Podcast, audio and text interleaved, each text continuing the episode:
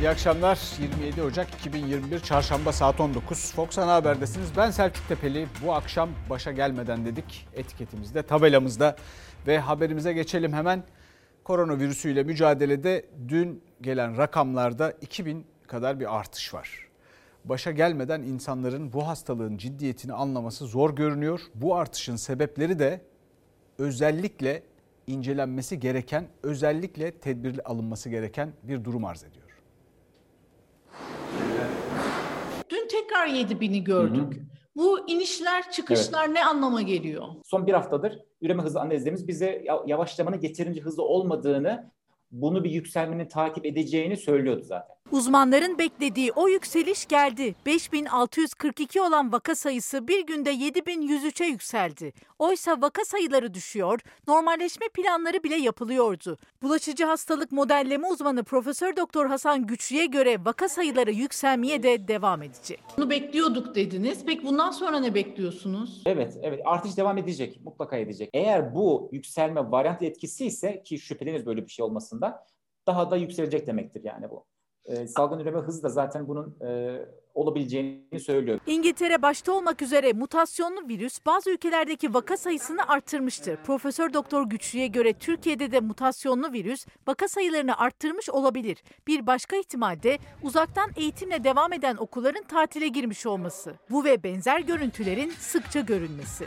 İnsanların hareketliliği arttığı anda bir virüsün yayılması için imkan veriyorsunuz yani. Diyorsun ki sen bu virüsü buradan al başka yere götür. En yüksek rakamları Aralık ayında gördü Türkiye. 8 Aralık'ta günlük vaka sayısı yaklaşık 33 bindi. Bu tarihten itibaren hızla düşmeye başladı. 10 binlerle ifade edilen bir düşüş yaşandı ve tam bir ay sonra 8 Ocağı gelindiğinde günlük vaka sayısı 11.479'du. 30 binleri görmüştük biz. Sonrasında hızlı bir azalma yaşadık. Fakat son bir haftada bu e, azalmanın yeterince hızlı olmadığını fark ettik. Olumlu tablo bir hafta önce 20 Ocak'ta değişmeye başladı. Vaka sayılarındaki düşüş devam ediyordu ancak düşüş hızı çok yavaştı ve o yavaşlama 24 Ocak tarihinde durdu. 25 Ocak'ta yeniden yükselişe geçti. 26 Ocak'ta ise yeniden 7 binli rakamları gördü. Aşılamanın başlamasıyla normalleşmenin yeniden başlaması umuluyordu. Okulların Şubat ayında yüz yüze eğitime geçmesi, kafe ve restoranların HES koduyla açılması gündemdeydi. Uzmanlara göre şimdilik bu ihtimal zor ama vaka sayılarındaki artışa rağmen Cumhurbaşkanı Erdoğan normalleşmeye kapıyı kapatmadı. Kısıtlamaların kaldırılmasıyla ilgili bir tarih söz konusu mu? Kabine toplantısından sonra varsa öyle bir şey açıklarız. Normalleşmenin yaşanması için vakaların en az iki hafta boyunca hızla düşüş eğilimi göstermesi gerekiyor. Düştükten sonra da yükselişe geçmemesi. Ama mutasyonlu virüs geldiyse eğer normalleşme bir yana ek tedbirler de şart. Daha bulaşıcı olduğu için yeni varyant kontrol için daha sıkı tedbirler, tedbirlere daha sıkı uyum gerektiriyor. Efendim uzmanlarımız, bazı uzmanlarımız diyor ki bu vaka sayılarındaki artış okulların kapanmasıyla, tekrar ediyorum, okulların kapanmasıyla artan hareketlilikten kaynaklanıyor olabilir. Biliyorsunuz okullar açılsın mı, kapansın mı? 9 yaş ve altındaki çocuklar için söylüyorum bulaştırıcılıkları nedir ne değildir diye konuşup duruyorduk. Bu açıklama da ilginç. Bayılıyorum uzmanlarımıza bir yandan. Ama bu konuyu ileriki günlerde, iyi günler ileride inşallah. E, bütün bunların analizi, tahlili yapılacak. Pek çok araştırma, yeni araştırma da var. Konuşmaya devam edeceğiz. Şimdi aşı planlaması ile ilgili de yeni talepler, sıralamanın yeniden ele alınması gerekliliğine dair bir takım e, işaret eden uzmanlar var. Özellikle önceliğin kanser hastalarına verilmesi gerektiğini belirtiyorlar aşılama önceliği hangi gruplara verilmeliydi? Kanser hastalıkları, immün süpresif hastalıkları olanlar, diyabet hastaları, dalağa alınmışlar gibi hastaların da bu hastalıkta e, yakalandıkları zaman ölümcül sorunlarla baş edemediklerini görüyoruz. O zaman onları da yukarıya alabilirdik. Neden bu kadar altta kronik rahatsızlığı olanlar? Bunun cevabı bilimde değil aslında. Bunun cevabı başka bir yerde. Aşı yok. Türkiye genelinde kullanılması için 9,5 milyon aşı Çin'den geldi. Henüz 3 milyon doz aşının kullanılmasına izin verildi. Kalan 6,5 milyon doz içinse test sürecinin tamamlanması bekleniyor. Aşı takvimine göre ise şu an eldeki aşılar başından beri söylenen riskli grup kronik hastalara yetmeyecek gibi. Biz onlara zamanında siz risklisiniz deyip şimdi de hayır değilsiniz dediğimizde kendimizle de biraz çelişmiş oluyoruz. İlk etapta inşallah 50 milyon doz aşı ülkemize gelecek ve süratle de aşılamayı başlattık.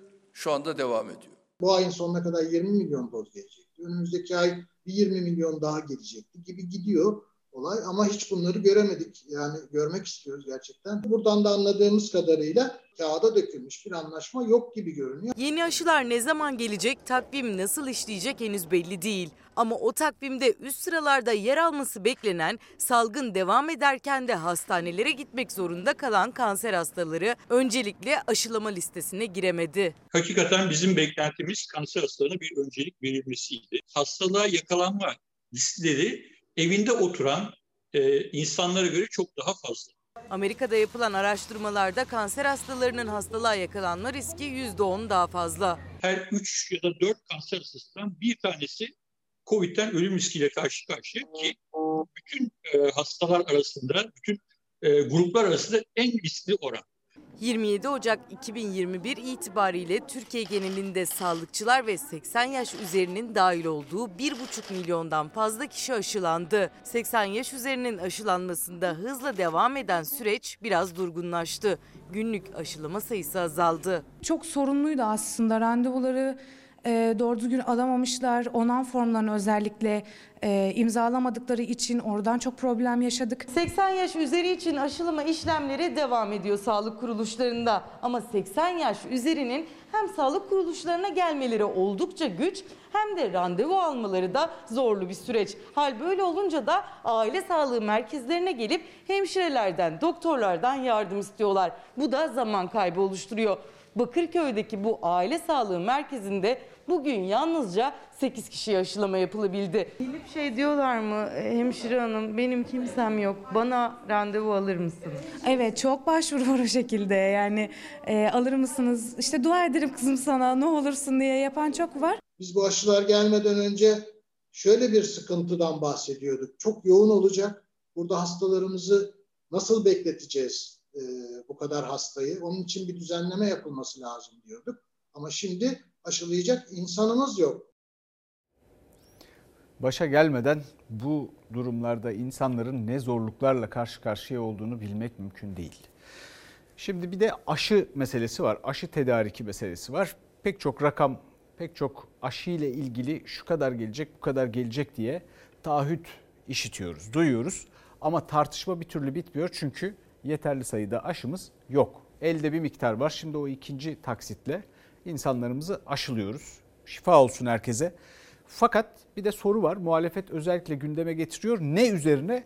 Türkiye Sağlık Enstitüleri Başkanlığı'nın internet sitesindeki bir e, yazı üzerine, bir değerlendirme üzerine bu devletin bir kurumu hıfzı sıha kapatılmasaydı, bu hükümet tarafından kapatıldı.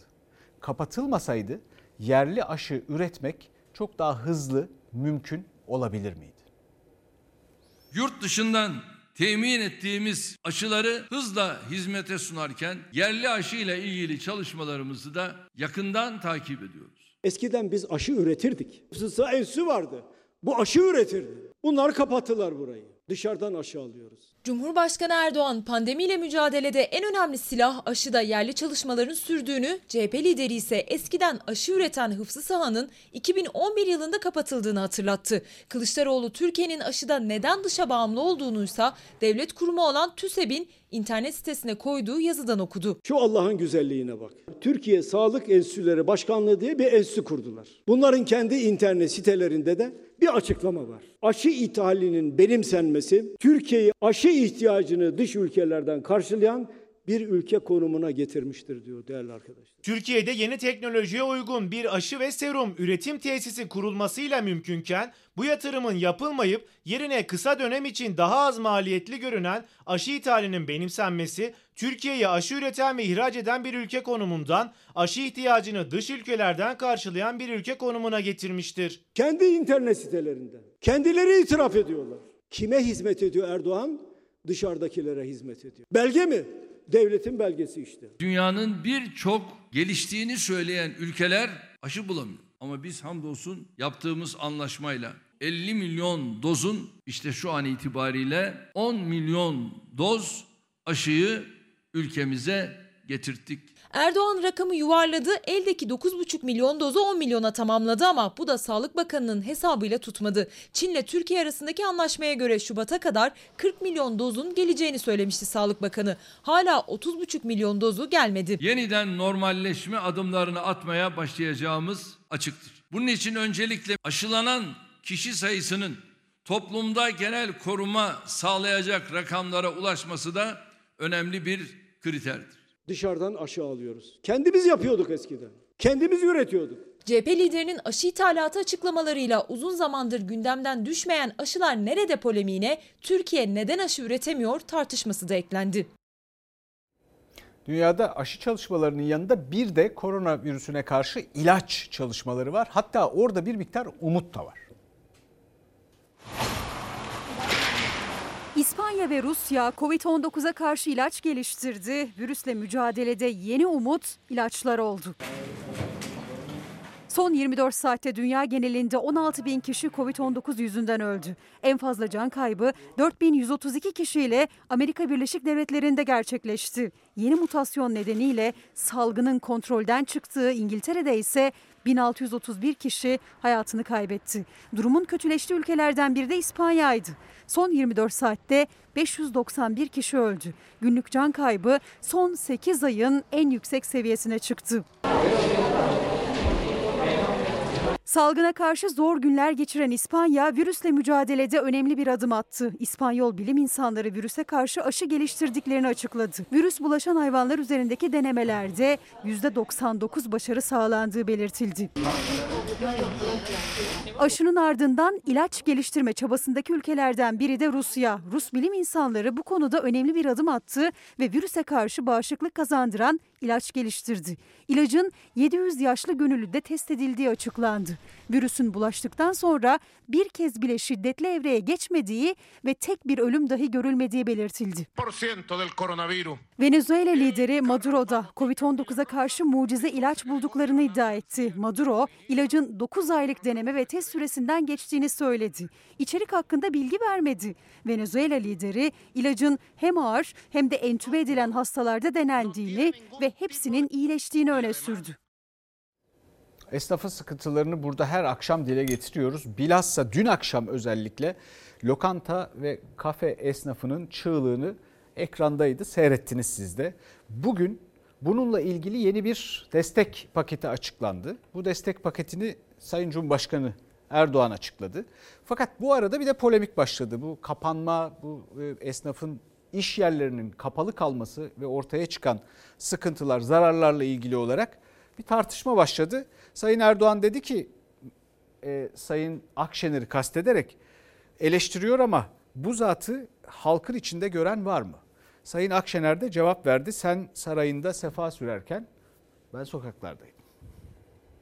2020 yılında 40 binin üzerinde şirket kapandı. Kapanan filan yok. Aynen böyle dedi. Eğer işler yolundaysa, her şeyde ortadaysa kredi taksitlerini neden öteliyorsun? Yok eğer esnaf zordaysa ve ödemelerini öteliyorsan o halde nasıl oluyor da işler tıkırında diyorsun. Bu ne periz, bu ne lahana turşusu Sayın Erdoğan. Esnafı batıran adam Recep Tayyip Erdoğan. Muhalefet Erdoğan'ın kapanan işletme şirket yok açıklamasının peşini bırakmıyor. Hem sağdan örneklerle hem de işler yolundaysa ertelenen krediler, vergiler, taksitler ne o zaman sorusuyla. Salgın tedbirlerinin yol açtığı sıkıntıları azaltmak için 100 milyarlarca lirayı milletimizin emrine sundu. Bir kuyumcu kardeşim diyor ki 80 yaşında bir teyzemiz geldi. Eşinden kalan yüzüğü bozdurmaya gelmiş. 46 milyar liralık bir kaynağı karşılıksız her kesimden insanımıza aktardı. Dükkan sahibi kardeşim diyor ki saat bir oldu hala siftah yoktu. 5 aydır kira ödeyemiyorum. Dayanacak güç kalmadı. Halkbank tarafından kullandırılan kredilerin 6 aylık taksitlerinin ötelendiğini açıkladık. Esnaf perişan sorumlu da ülkeyi 19 yıldır yöneten siyasal iktidar. Lokanta, restoran, kafe gibi sektörlerde cirosu 3 milyon lira ve altı olan cirosu yüzde elli ve daha fazla azalan işletmelerimize 2 bin liradan az ve 40 bin liradan fazla olmamak üzere ciro kaybının yüzde üçü oranında destek ödemesi yapacağız. Erdoğan lokanta, kafe, restoran esnafına yapılacak yeni desteği de bu sözlerle duyurdu. İktidarla muhalefet arasında kim halkın arasında kim sarayda tartışması da büyüdü. Sayın Erdoğan, bu ucube sistem sana da yaramadı. Servet kovalayan saray danışmanlarının elinde oyuncak oldun. Saray üzerine saray yaptırıyorsun. Gittiğin yol yol değil. Gel şu saray hayatından bir sıyrıl. Milletin arasına karış. Saraydan bakınca herkesin keyfi yerinde. Altın klozetli tuvaletler, her şey var sarayda. Bütün lüks var, bütün şatafat var. Kendilerini halkın içinde bizi de güya saraylarda sefa süren olarak göstermeye çalışmıyorlar mı? İşte orası artık sözün bittiği yere dönüşüyor. Bu zatları şimdiye kadar milletimizin içinde pek görmedik. Sen sarayında sefa sürerken ben çarşıda, pazarda esnafımızı, işsiz gençlerimizi dinliyorum. Bugün o saray yüzünden işler tıkırında deyip vatandaşın kafasına kafasına keyif çayı fırlatan adam oldun Sayın Erdoğan. Sizin masallarınız hafif, milletin gerçeği ise artık çok ağır Sayın Erdoğan. Esnaf üzerinden siyasi tartışma büyürken Akşener bu kez de Sakarya'da sokağa indi. Ekonominin nabzını tutmaya devam etti. Size herhangi bir öteleme olmadı değil Hiç mi? olmadı bize. Çiftçi olmadı. Tüm arkadaşların tarım krediye borçları var. Motorlarına hep koydu onların yani. Motorlarına Evet ödeyemediler vatandaş. Ekonomide kimi sorunlar e, bilhassa bu salgın döneminde hükümet tarafından suni teneffüsle çözülmeye çalışılıyor. Şimdi yetişkinlerde suni teneffüs ağızdan, çocuklarda ağız ve burundan yapılıyor. Fakat eğer doğru yönlendirilmezse yani kredi muslukları açıldığında sadece inşaata yönlendirirseniz insanlar parayı oraya bağlıyor ve piyasa adil bir biçimde, dengeli bir biçimde hareketleneceğine yine kas katı kesiliyor, donup kalıyor. Sonra da vah vahlar başlıyor. Şimdi burada bu destekleme önemli. Allah razı olsun. Gerçi orada öyle bir takım e, kriterler var ki onlardan birine denk getirmeniz lazım. E, ya da hepsine birden. Dolayısıyla iyi de incelemek lazım. Ama iyi, önemli. Fakat bu suni teneffüs belki bu salgın döneminde ekonomiyi hareketlendirebilir. Fakat doğru olmalı, doğru yapılmalı, doğru yönlendirilmeli. Şimdi daha da vahim bir tablonun yaşandığı bir başka alana geçeceğiz. Ahlar vahlar içinde bütün medyamız şimdi şunu tartışıyor. Market rafında neden bunun fiyatı 8 lira 10 lira tarlada 1 lira 2 lirayken? Efendim öyle bir cehalet söz konusu ki tarım ve gıda konusunda Türkiye'de başta hükümet olmak üzere 40 yıldır aynı haberleri aynı cümlelerle izliyoruz, tartışıyoruz. Fakat çözemiyoruz. Emirler soğan fiyatları bugün şu rakamın üstüne çıkmayacak. Emredersin komutanım. Soğanın fiyatları böyle teşekkür etmez. Hala bunu anlamadı arkadaşlar. Marketlerde fiyat istikrarsızlığı var.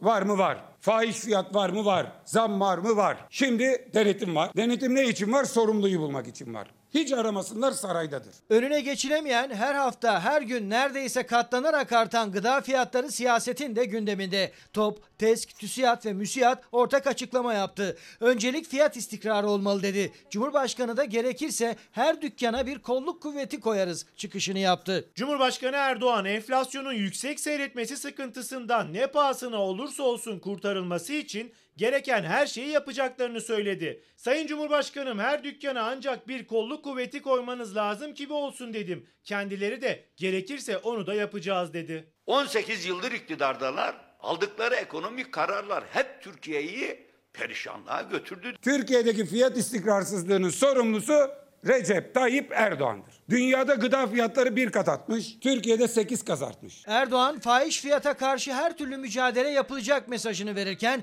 muhalefet yaşanan fiyat krizi için sorumlu olarak Cumhurbaşkanını gösterdi. Talimatla raflardaki fiyat değişmez. Değişmesi gereken iktidarın politikalarıdır dedi. Ticaret Bakanlığı da sahaya indi. Market ve pazarlarda denetimler sıkılaştı. Türkiye'de fahiş fiyat varsa, ne kadar bir ekonomik sıkıntı varsa tek sorumlusu Recep Tayyip Erdoğan. Türkiye'nin demokrasinin önündeki takoz Recep Tayyip Erdoğan. Bir zamanlar soğan bol oldu. Vay soğan lobisi Türkiye'yi batıracak. Patates bol oldu. Patates lobisi batıracak. Ya patatesle soğanla Türkiye batmaz ya. Yanlış kararlarla batar. Türkiye Ziraat Odaları Birliği Genel Başkanı Şemsi Bayraktar da artan fiyatlar tartışmasına çiftçinin artan girdi maliyetlerine dikkat çekerek katıldı. Özellikle de gübre fiyatlarına bir yıl içinde %70 arttığını söyledi, destek istedi. Yüksek fiyat nedeniyle çiftçimiz ihtiyaç duyulan gübreyi kullanamazsa verimin, üretimin azalması nedeniyle gıda fiyatları da artacak. Üreticimizin sıkıntısı tüketicileri de mağdur edecektir. Market fiyatları tüketiciyi de siyaseti de konuşturuyor. 40 yıldır tarımda bunu ben şahsen tanığım. Hem tarlanın içinde tanığım hem sonra ekonomi, siyaset, hukuk şu bu neyse bütün bunların eğitimini alırken Türkiye'de dünyanın başka yerlerinde buralarda tanığım. Başka ülkelerde nasıl bunun üzerine gidildiği, nasıl çözüldüğüne tanığım. Fakat en vahim sorunları tarımda bugünlerde yaşıyoruz. Öyle acayip bir şey var ki bakın şunları tartışıyoruz şimdi. Efendim kar yağdı, sel oldu deniyor ve fiyatlar artıyor falan filan. Ya siz büyük şehirlerinizin etrafında her yeri tarımsızlaştırırsanız, mesela İstanbul'u besleyebilecek Trakya, Bursa, Kocaeli, bütün buraları betonlaştırırsanız, ancak marulu Antalya'dan Akdeniz sahillerinden getirmeye kalkarsanız kar yağarsa o araçlar gelemez. O maliyet yani aradaki maliyet, nakliye maliyeti fiyata yansır. Bu sadece bir parçasıdır. Bu sadece bir parçasıdır. Bunun gibi pek çok sorun vardır. Destekler yerine ulaşmaz, ulaşmamaktadır. Vaktinde ulaşmamaktadır. Daha 2019'un desteğini aldı mı almadı bu insanlar? Ki zaten anayasada öngörülen desteği hiç almıyor çiftçi. Bu arada alan desteği alan kim? Gerçekten çiftçi mi? E, gübre fiyatları ithal girdiler filan e, artıyor yansıyacak bir şekilde. Ayçiçek tarlaları onların yerine beton yaptınız. Villalar şunlar bunlar. Artık Türkiye'de bina tarlaları var. Ayçiçek tarlaları değil. Özellikle büyük şehirler ve bilhassa İstanbul'un etrafında. E sonra ayçiçek şu oldu bu oldu. E Türkiye'de kaldı sosyal güvenlik şemsiyesi altında buna kayıtlı 600 bin çiftçi kaldı. Başka bir şey kalmadı. Türkiye'nin nüfusu neredeyse 85 milyon. E bütün bunlara bakmıyorsunuz. Bu tabii 3 dakikada anlatabileceğim, çözebileceğim bir şey değil benim. Ama size şunu söyleyeyim. Her türlü ayıplanmayı göze alarak da söylüyorum. Türkiye'nin 10 yıllardır çözemediği bu meseleyi bir saatte çözerim. Bir, bir saatte. Ama bir saatim yok. Fakat bu kadar zor bir şey de değil. Yani adam bakın burada çiftçilik sanatı Vergilius milattan önce 70 yılında buralardan hareketle yazmış. Dünya buralardan öğrendi bu tarım işini. Bu topraklardan öğrendi. Ben çiftçi çocuğuyum yahu. Sahada ne olup bittiğine der kimsenin fikri yok. Herkesin en çok bildiğini düşündüğü ama herkesin en az bildiği konudur Türkiye'de tarım ve çiftçilik. Üstelik bir nesil öncesi hemen hemen herkesin tarlaya, toprağa dayak, köye dayanmasına rağmen çözülemez. Çözülemediği ama herkes bildiği fakat hiç bilmediği için de bir tosuncuk gelir. Herkesi internetten saçma sapan oyunlarla dolandırır. Basar gider Brezilyalarda yer o paraları. Biz bunları konuşmaya devam ederiz. Bir kere öncelikle yapılması gereken büyük şehirlerin etrafında başta olmak üzere tarım arazilerine artık dokunulmamasını sağlamak ve koruma altına almaktır. Ve yakın tedarik zincirleri oluşturmaktır. Daha bunun ötesinde konuşuruz ama vaktimiz yok. Şimdi geçelim e, spotçulara. E, spotçular çok hareketli bugünlerde. Neden? İnsanlar çünkü artık e, bu sıkıntılar yüzünden, ekonomik sıkıntılar yüzünden evlerindeki eşyaları satarak geçinmeye çalışıyor. En fazla bir buçuk iki yıllık işte. Ne için sattılar bunu? İhtiyaçtan dolayı satmıştır insanlar. Yarın 3 sevkiyatım var. Bugün de 2 sevkiyata gitti çocuklar. Yani yetiştiremiyoruz vallahi. E, Adam iki sefer arıyor işte ne zaman geleceksin? Bugün gelirsen al işte ev sahibi çıkartmış. Eşyalar bugün boşaltmak zorunda kalıyorum diyor mesela. Yetiştiremiyoruz o da başkasını çağırıyor. Ben bunu almış 8 milyara. Bize satıyor 2 milyara. Biz de 2,5'a satıyoruz. 3'e satıyoruz. Ya 8 bin liralık buzdolabı 2 bin liraya satmak durumunda mı? Mecbur satıyor zaten. Akşama evi boşalt diyor adam. Ya ev sahibine kalacak ya da verecek, harçlık edecek. Başka çaresi yok. Pandemi dönemindeki patlama farklıydı yani. 26 yıldır ikinci el eşya alıp satıyor Mustafa Yavuz. Son bir yıldır kepenklerin indiği, işçilerin gelirsiz kaldığı, kiraların, faturaların ödenemediği salgında sürekli çalan telefonun ucunda hep muhtaç bir ses, adreslerde ise üzgün insanlar var. Kadın ağlıyor. Mesela işi bozulmuş. Üzülüyor yani yatak odasına girince kadına bakıyorum işte diyorum ya başkasına verin. Almıyor. Biz ben- Alamıyorsunuz. almıyorum yani. Vicdanen de rahatsız oluyor ama beyaz eşyayı mecbur alıyoruz yani. Özellikle beyaz eşyalarda ikinci el piyasası hareketli bugünlerde. Spotçular çarşısına satış için eşya yağıyor. Evini geçindirmek için evin, dükkanın parçaları satılıyor. Az önce telefonla konuşuyordunuz e, şu fiyata alırım diye. Evet. Kim aradı sizi? Esnaf aradı dışarıdan. Ne satmak istiyorlar? Televizyon satmak istiyorlar. Satmaya gelenlerin sayısı arttı ama bizim alım durumumuz olmadığı için pek tercih etmiyoruz. 10 tane geliyorsa 2 tanesini alabiliyoruz ya da almıyoruz. Genelde şu anda hani yeme, içme, gıda bunları karşılamak derdinde. Yani bir insan hani bir çamaşır makinesini idare edebilir ama yemeden içmeden idare edemez. Mutfaktaki tencerenin kaynaması çamaşırların makinede yıkanmasından daha önemli çünkü. Spotçulardan çıkan bir başka ekonomik gerçekse artık büyük şehirde yaşamanın zor olduğu. Salgında birçok iş yeri kapandı. İş umuduyla gelenler geri dönmeye başladı. Durumlardan dolayı şehir dışına giden insanlar çok oldu. Genel olaraktan il değişikliği oluyor. Sanıyorum ki gidiyorlar yani. Sonuçta adam niye satsın evindeki eşyalarını?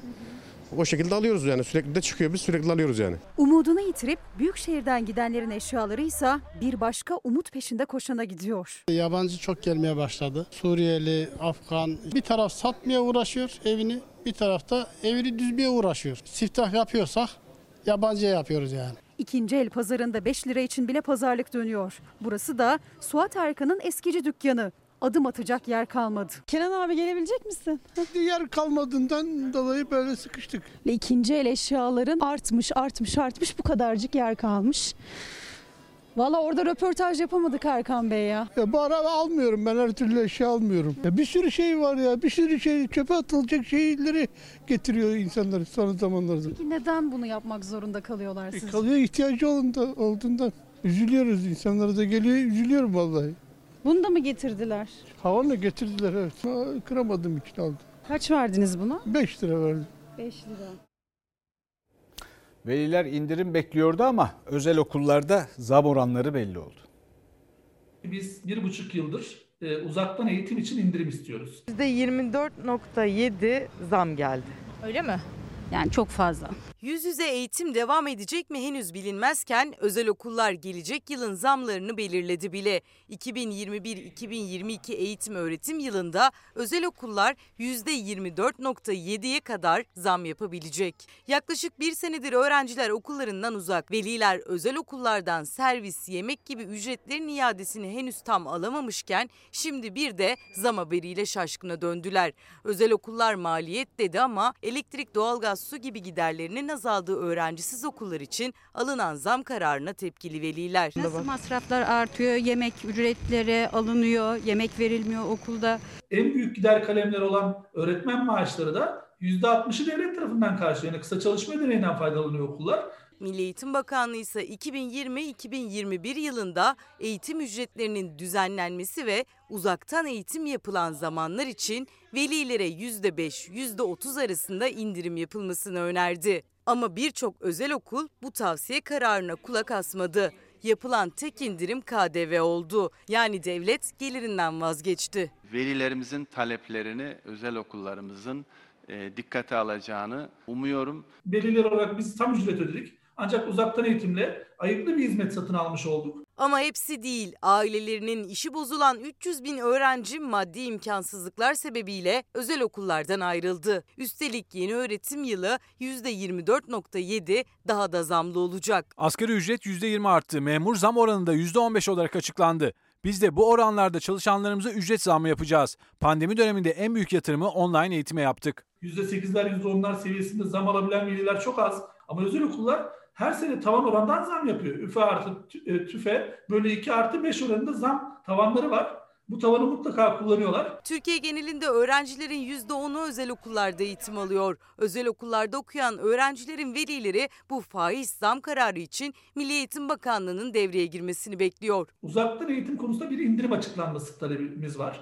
Yemek gibi bazı e, ek hizmetler yönetmeliğe aykırı olarak kayıt koşulu olarak sunuluyor velilere. Velilerin KDV indirimi talebi yok. Bunun lütfen altını çizelim. E, bu özel okulların talebi. Çünkü özel okullar bu KDV indirimleri kullanarak zam oranlarını yüksek tutma şansına sahip. Bu gıdada olduğu gibi bir süre sonra velilere yansımayacak hale gelecek. Evet bir izleyicimiz diyor ki e, bu salgın zamanında biz veliler o okulların eğitim ücretlerini zaten ödedik. Üstelik bizden aldıkları halde bir de öğretmen ve personel giderleri için e, birçoğu bir takım desteklerden faydalandılar. Yani çifte kavrulmuş bir durum oluştu. Şimdi niçin zam yapıldığını anlamakta zorlanıyoruz diye eleştirmiş bir izleyicimiz. E, şimdi buradan da siyasete geçelim. Siyasette bir sistem tartışmasıdır. Alıp başını gitmiş durumda. E, muhalefet seçim istiyor. E, Sayın Erdoğan onlara cevap veriyor. E, millet bize bizi çağırıyor diyen e, Sayın Akşener'e Sayın Erdoğan'ın cevabı buradan size ekmek çıkmaz oldu. Yatıp kalkıp erken seçim erken seçim diyorlar ya. Ya size buradan ekmek yok.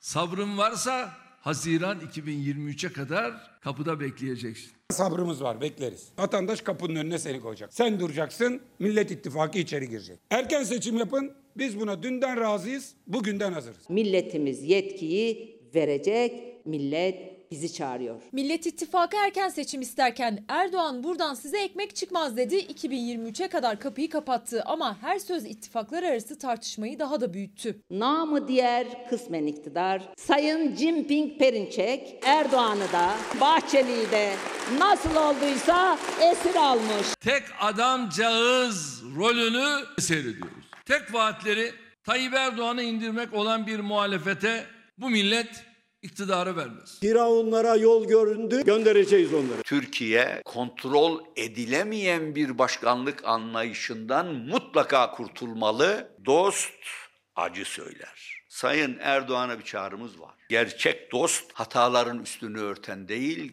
gerçekleri söyleyendir. CHP İyi Parti Saadet Partisi partili cumhurbaşkanlığı sistemine bayrak açtı, güçlendirilmiş parlamenter sistem hazırlıklarına hız verdi. Erdoğan vizyonunuz yok diye meydan okudu. Akşener cevap verdi. Bizden başka hizmet müktesebatı ortaya koyabilen de gelecek vizyonu tasarlayan da yok. Partili Cumhurbaşkanlığı sistemi milletimizi hak ettiği zenginliğe taşıyamaz. Asrın lideri ve asrın damadı başaramadıysa vizyonumuz belli, planlarımız hazır. Türkiye'yi nereye getireceğini söyleyemeyen, kadroları kifayetsiz, yoldaşları şaibeli hiçbir yapı milletimizden iktidar vizesi alamaz. Psikolojik iktidar el değiştirdi. Artık kendilerini muhalefette görüyorlar çünkü gelecekte muhalef olacaklar. Erdoğan Cumhur İttifakı'nı genişletmek için Saadet Partili Oğuzhan Asil Türk'le görüştü. Asil Türk Saadet Partisi Cumhur İttifakı'na katılacak mı sorusuna net cevap vermedi ama renk verdi. Temel Karamollaoğlu'nun sözleri manidardı.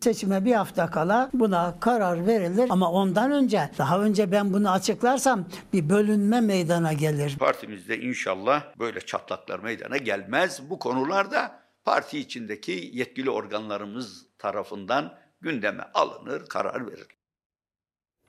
Evet, bu siyasette kelime oyunları tüm eğlencesiyle sürüyor. Bundan sonraki haberlerde de göreceksiniz. Fakat bu açıklamalar sırasında seçilen sözcüklere epey dikkat etmek lazım. Mesela ya çünkü kritik şeyler gündem dışarıdaki gündem bambaşka akıyor bir yandan.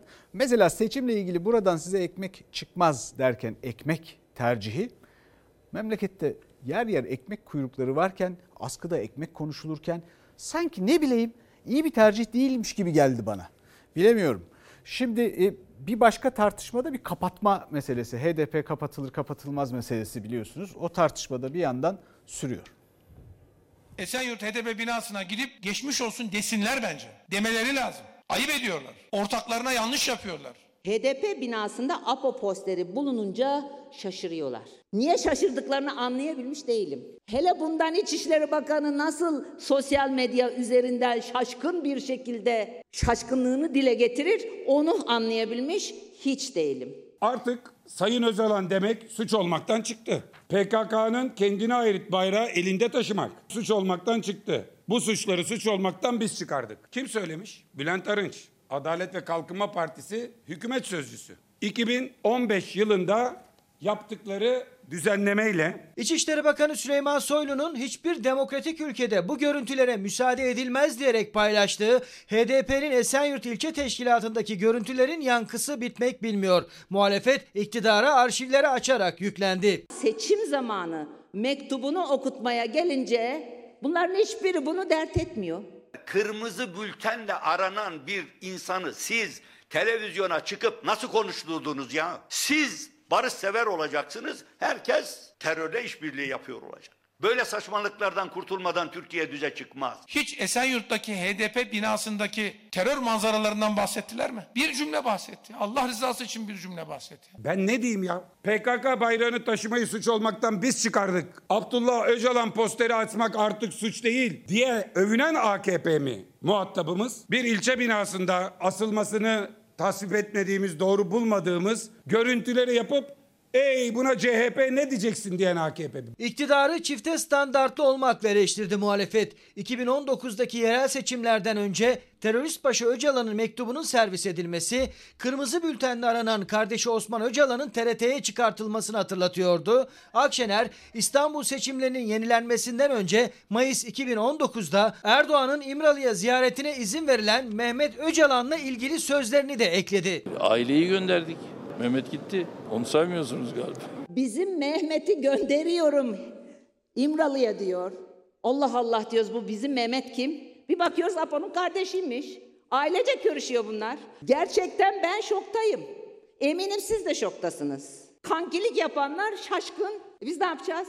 Esenyurt ilçe binasına yapılan operasyonun sıcağında HDP'ye kapatma davası açılması tartışması da devam ediyor. MHP lideri Bahçeli kararlı. Muhalefet ise neden dava açmıyorsunuz sorusunu soruyor. HDP'nin kapatılması adalete, hakkaniyete ve milli iradeye aykırılık teşkil etmeyecektir. Yana yıkıla HDP kapatılsın diyorlar.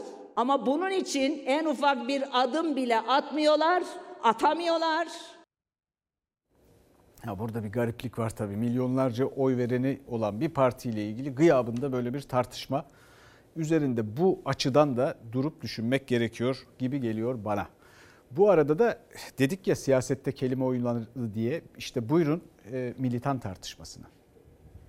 Bunlara göre Cumhurbaşkanı militan, bakanlar militan, hakimler, savcılar militan, valiler, kaymakamlar militan. Eski milletvekili arkadaşımız. Vali militan, kaymakam militan, yargıçlar militan alınan kararları görüyoruz diyor. Vay sen misin militan diyen. Tekirdağ'da çocukların karnesini dağıtan kim? AK Parti il başkanı. Veren kim? Milli Eğitim Müdürü. Militan al sana militan. AK Parti CHP hattında yaşanan son gerginliğin adı militan polemiği. Sert sözler, suç duyuruları, dava çağrıları ile alevlendi. Aslında bunlara göre milletin kendilerine oy vermeyen yüzde yetmiş beşinin tamamı militan. Bütün bu hakarete muhatap olanların dava açma zamanı gelmiştir, geçiyor bile. Memleket öyle sahipsiz değil ya. Dava açmazsanız ne habersiniz? Hepiniz militansınız. Hepiniz yolsuzluğun militanısınız siz. Ahlaksızlığın militanısınız. Militan diyenlerin kendisi faşistin ta kendisidir. Bu nazi ağzıyla konuşmayı bırakmaları lazım. Bir nazi benzetmesi yapacaksan iki kere düşün, üç kere yutkun. Tek millet, tek devlet, tek lider Adolf Hitler. Tanıdık geldi mi Ömer Bey? Militan dedikleri kesimlere ağızlarını köpürte köpürte bu ithamları yöneltmekte tereddüt etmiyorlar. Recep Tayyip Erdoğan talimat veriyor. Seçimde buzdolabı dağıtan valileri, kömür dağıtan kaymakamları gördük. Militan restleşmesinde İyi Parti de ses verdi. CHP'nin gerekçelerini destekleyen mesajlarla. Tekirdağ'da kapı kapı dolaşıp karne dağıtan AK Parti Tekirdağ İl Başkanı bunun son örneğidir. İşe girmek için AK Parti'ye üye olmak gerekiyor mu gerekmiyor mu? Bu devletin hiçbir memuru, bu ülkenin hiçbir evladı CHP'nin hastalıklı zihniyetinin şamar oğlanı değildir. Militan tartışması ilk Cumhurbaşkanı Erdoğan'ın Boğaziçi Üniversitesi eylemlerinde Canan Kaftancıoğlu için söylediği sözlerle başlamıştı. CHP İl Başkanı Canan Kaftancıoğlu ise sosyal medya üzerinden TDK'dan da alıntı yaparak attığı mesajla cevap verdi. CHP'nin bakıyorsunuz İstanbul İl Başkanı orada zaten kendisi bir DHKPC militanıdır. Partimin militanı olduğum doğrudur. İktidara tavsiyem ülkeye demokrasi, adalet getirmek ve yoksulluğu bitirmek için çaba gösteren CHP militanlarıyla uğraşacaklarına terör örgütü militanlarıyla ilgilenmeleridir. Militan düellosunda artık yargı da devrede. Sonu nereye varacak merak konusu. Efendim aslında çok eğlenceli böyle sözlük karıştırmalar falan filan çok da yaratıcı buluyorum siyaseti. Ben şeyden de çıkamıyorum yani tek adamcağız mesela dün Sayın Erdoğan Sayın Kılıçdaroğlu'na söylemişti. Bir literatüre ilave bir şey oldu. Tek adamcağız yani kıyamadı Erdoğan bana öyle gelmişti. Kılıçdaroğlu'na değil tabire kıyamadı. Çok ilginç yani o kadar ilginç ki bunun üstüne gerçekten çalışmak lazım. Şimdi meclis kurulunda gözyaşları. Bu Cumhur İttifakı gerçekten bir acayip. En büyük Türk, en has Müslüman kendileridir. Ama Çin'in Türkistan'da Uygur kardeşlerimizde uyguladığı zulme Avrupa'dan, Amerika'dan ses geliyor, Ankara'dan hala çıt çıkmıyor. Buyur güzel kızım, kürsü senindir. Annem ve babam dört çocuğun şu an nerede olduğunu, hayatta olup olmadığını bile bilmeden toplama kamplarında yaşıyorlar, acı çekiyorlar. Esir iken bana zindan olur, Maraş Elbistan. İbn Sina dedem Korkut Alparslan susarsam hakkını helal etmesin. Anlatılanlar karşısında gözyaşlarına hakim olamadı Akşener. Meclis kürsüsünde ağladı. O anlarda İyi Parti grubunda duygusal anlar yaşandı. Ne lanet bir zamandayız. Gördünüz kızımızı. Ellerinde iman metreyle imanlarımızı ölçenler bu zulme sessiz kalıyor. İyi Parti lideri bir süredir partisinin grup toplantısında meclis kürsüsünü sesini duyurmak isteyenlere bırakıyor. Bu kez bir Doğu Türkistanlı'ya bıraktı. Genç kadın ailesinin Çin'deki toplama kampında olduğunu, kendisinin Türkiye'ye sığındığını ama ailesinden 4 yıldır hiç haber alamadığını anlattı. Feryadım siyasi değildir. Ben sadece annem babamı görmek, onlara sarılmak, insan gibi yaşamak istiyorum. Susarsam hakkını helal etmesin. Akşener anlatılanlar karşısında çok duygulandı, ağladı ama iktidara seslenirken sertti. Çin'in Uygur Türklerine uyguladığı soykırıma sessiz kalmakla suçladı Cumhur İttifakı'nı. Perinçek göndermesi de yaptı. Çin Merkez because Komitesi, Türkiye Komiseri, namı diğer kısmen iktidar, Sayın Jinping Perinçek, Erdoğan'ı da, Bahçeli'yi de nasıl olduysa esir almış. Bir de Çin'le 2017 yılında yapılmış bir suçluların iadesi anlaşması var. Bakalım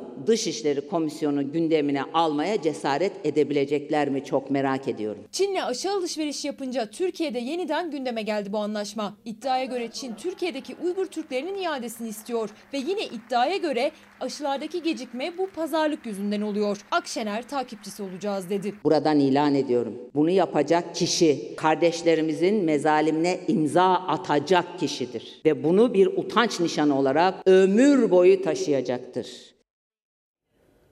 Şimdi biraz da havaya bakalım. Trakya'da epey kar var. Yakında her yerde de olabilir.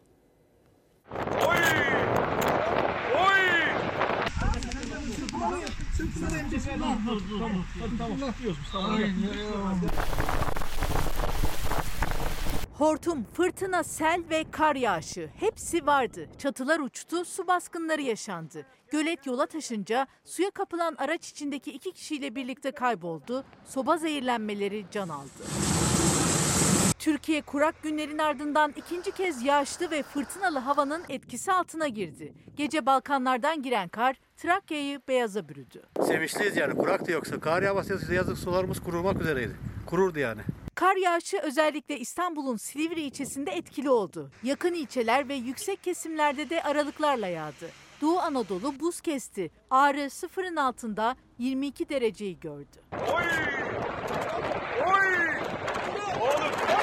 Bursa'da ise dehşetin adı hortumdu. Sanayi sitesini vuran hortum 40 saniye sürdü ama çatıları böyle uçurdu. 20 iş yeri ve 14 araç zarar gördü. Bir kişi kopan çatı parçasıyla yaralandı. Havada bunların dönerek uçtuğunu gördüm ben. Manisa'da da gece çıkan fırtına bir caminin minaresini yıktı. Çok sayıda binanın çatısı uçtu, 250'den fazla ağaç devrildi. Muğla'nın Menteşe ilçesine de 24 saatte metrekareye 94 kilo yağış düştü. Yaylada mahsur kalanları ekipler kurtardı. Çanakkale'nin Ayvacık ilçesinde ise bir araç baraj göletine düştü. İçindeki iki kişiyle birlikte kayboldu. Kontak kapalıyken bilgi gitti. Yani şey araba stop edip vaziyetteyken. Antalya'yı da sel vurdu. Tarım alanları, seralar sular altında kaldı. İnanın ayakta zor duruyoruz. Ayağımıza çizmeler. İzmir'in Beydağ ilçesinde de bir evin istinat duvarı çöktü. Perşembe günü yurdun iç kesimlerinde kar yağışı etkisini sürdürecek. Efendim kar bir mucize, yağış gerekli ama bu arada açıkta olan, soğukla boğuşan insanlar da var. Can dostlar da var dışarıda, sokakta. Allah onların hepsine yardımcı olsun. Şimdi bir reklam arası. Bizi bu tarım ve gıda konusunda yaşadıklarımız, kendi hatalarımızın cezasını çekme durumumuz var ya. Çok ilginç. Binlerce yıl öncesinden yine buralardan, bu topraklardan Tantalos'un efsanesi cezası gibi. O bir işte kendi hataları yüzünden bir ceza çekiyor. Cennette susadığında sular çekiliyor eğildiğinde. Acıktığında meyveler, meyve ağaçları meyveyle dolu fakat uzanmak istediğinde onlar kendisinden kaçıyor. Biz bu ülkede cennetteyiz tarım ve gıda konusunda. Ama neden bu sıkıntıları çekiyoruz? O kadar çözümü zor değil. Sadece İstanbul'un köylerinde İstanbul'un 150 kadar köyü var.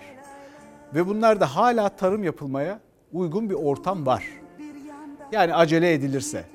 O köyler eğer yeniden tarımda aktif hale getirilirse, desteklenirse sadece ulusal e, bir takım kararlarla değil, yerel mesela İstanbul Belediyesi bile yapsa bunu.